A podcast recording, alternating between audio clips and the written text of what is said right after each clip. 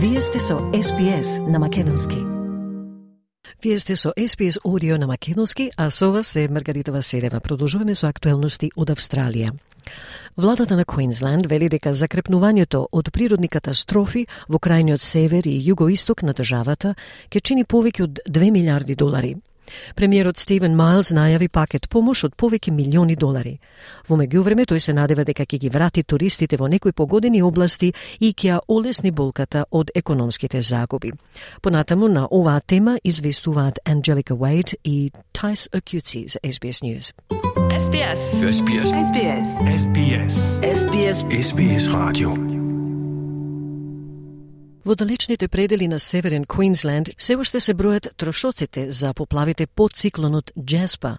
Патот до Кейп Tribulation, каде прашумата се сретнува со големиот корален гребен, останува затворен, а фери бродовите до Дентри се само за основни услуги. Джеки Бригс е обезбедувач на сместувања за краток престој. Таа вели дека затворањето ја ставило локалната туристичка индустрија во тешка позиција. Според неа, сите се подготвени за работа, но едноставно не може да се стигне до имотот во моментот и дека досега изгубиле околу 10.000 долари. Ке има и повеќе загуби, вели Бригс, доколку не добијат повеќе резервации до крајот на јануари. We're all good to go, but um, you just can't get to the property at the moment.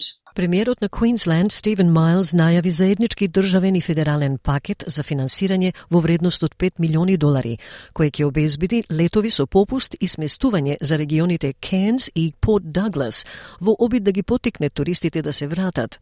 Господинот Майлз вели дека е важно туризмот да продолжи додека Квинсленд закрепнува. And now is a great opportunity for Australians who've thought about coming here before or maybe have great memories of the time they did come here before to book in, come along, have a fantastic holiday. Марк Олсен од Tourism Tropical North Queensland го поздравува зголемувањето на финансиската поддршка.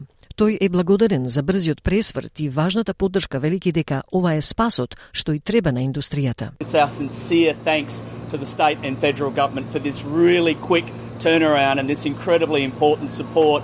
Но Джеки Бригс не е сосема убедена. Таа вели поддршката е одличен потек за поголемите оператори, но дека за нив како помал оператор безсмислено е поради што туристите не можат да дојдат до нив. For smaller operators, and particularly in the upper Daintree, it's absolutely meaningless to us because people cannot get to us. Владите на Квинсленд велат дека добро знаат за обемот на штетата. Заменик премиерот Камерон Дик вели дека ги процениле трошоците за чистење и обнова на најмалку 2 милиарди долари.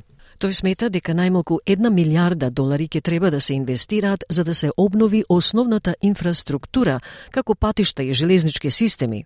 Најмалку 500 милиони долари од тоа ќе одат и за реконструкција на патиштата.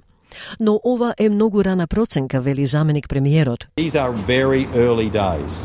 We know there'll be at least a billion dollars that will need to be invested to restore essential infrastructure like roads and rail systems. Додека бизнисите ги калкулираат трошоците за дивото невреме, жителите исто така се обидуваат да ги исчистат своите домови. Повеќе од 60.000 луѓе ширум државата веќе добија вкупно 11 милиони долари владина финансиска помош. Камерон Дик вели дека оштетувањето е широко распространето. Тој вели досега има 6000 поднесоци за осигурување во далечните предели на Северен Квинсленд и 42.000 во југоисточен Квинсленд, а на далечниот север повеќе од 800 домови се оштетени. На југоисток тој број е околу 500 и се зголемува, вели господинот Дик. There's also been 6,000 insurance claims in far north Queensland and 42,000 and rising in southeast Queensland. На Голд Кост, градоначалникот Том Тейт вели дека 700 улици низ 20 предградија морале да се исчистат. Тој вели дека имало околу 750.000 товари на камиони со отпад, а од зелениот отпад што останал низ градот по невремето има доволно да се наполнат 80 фудбалски игралишта високи 2 метри. Додека се одвива чистењето, премиерот на Квинсленд Стив Майлз ја посети оддалечената заедница Уджал Уджал, домородна заедница која во една фаза беше одсечена од поплавите, принудувајќи ги жителите на градот да бидат евакуирани по воздушен пат. Сенаторката Нита Грин, специјален пратеник за големиот корален гребен, вели дека ситуацијата таму е се уште несигурна. This is uh, an isolated community at the best of times, uh, but right now road access is incredibly precarious. Серијата диви временски услови преку божикниот период во Квинсленд беше толку тешка што во една фаза дури 130.000 домови останале без електрична енергија. На Голд Кост некои домови се без струја од Божик, кога торнадо ја зафати областа. Властите велат дека задачата да се врати струјата во секој дом е речиси при крај.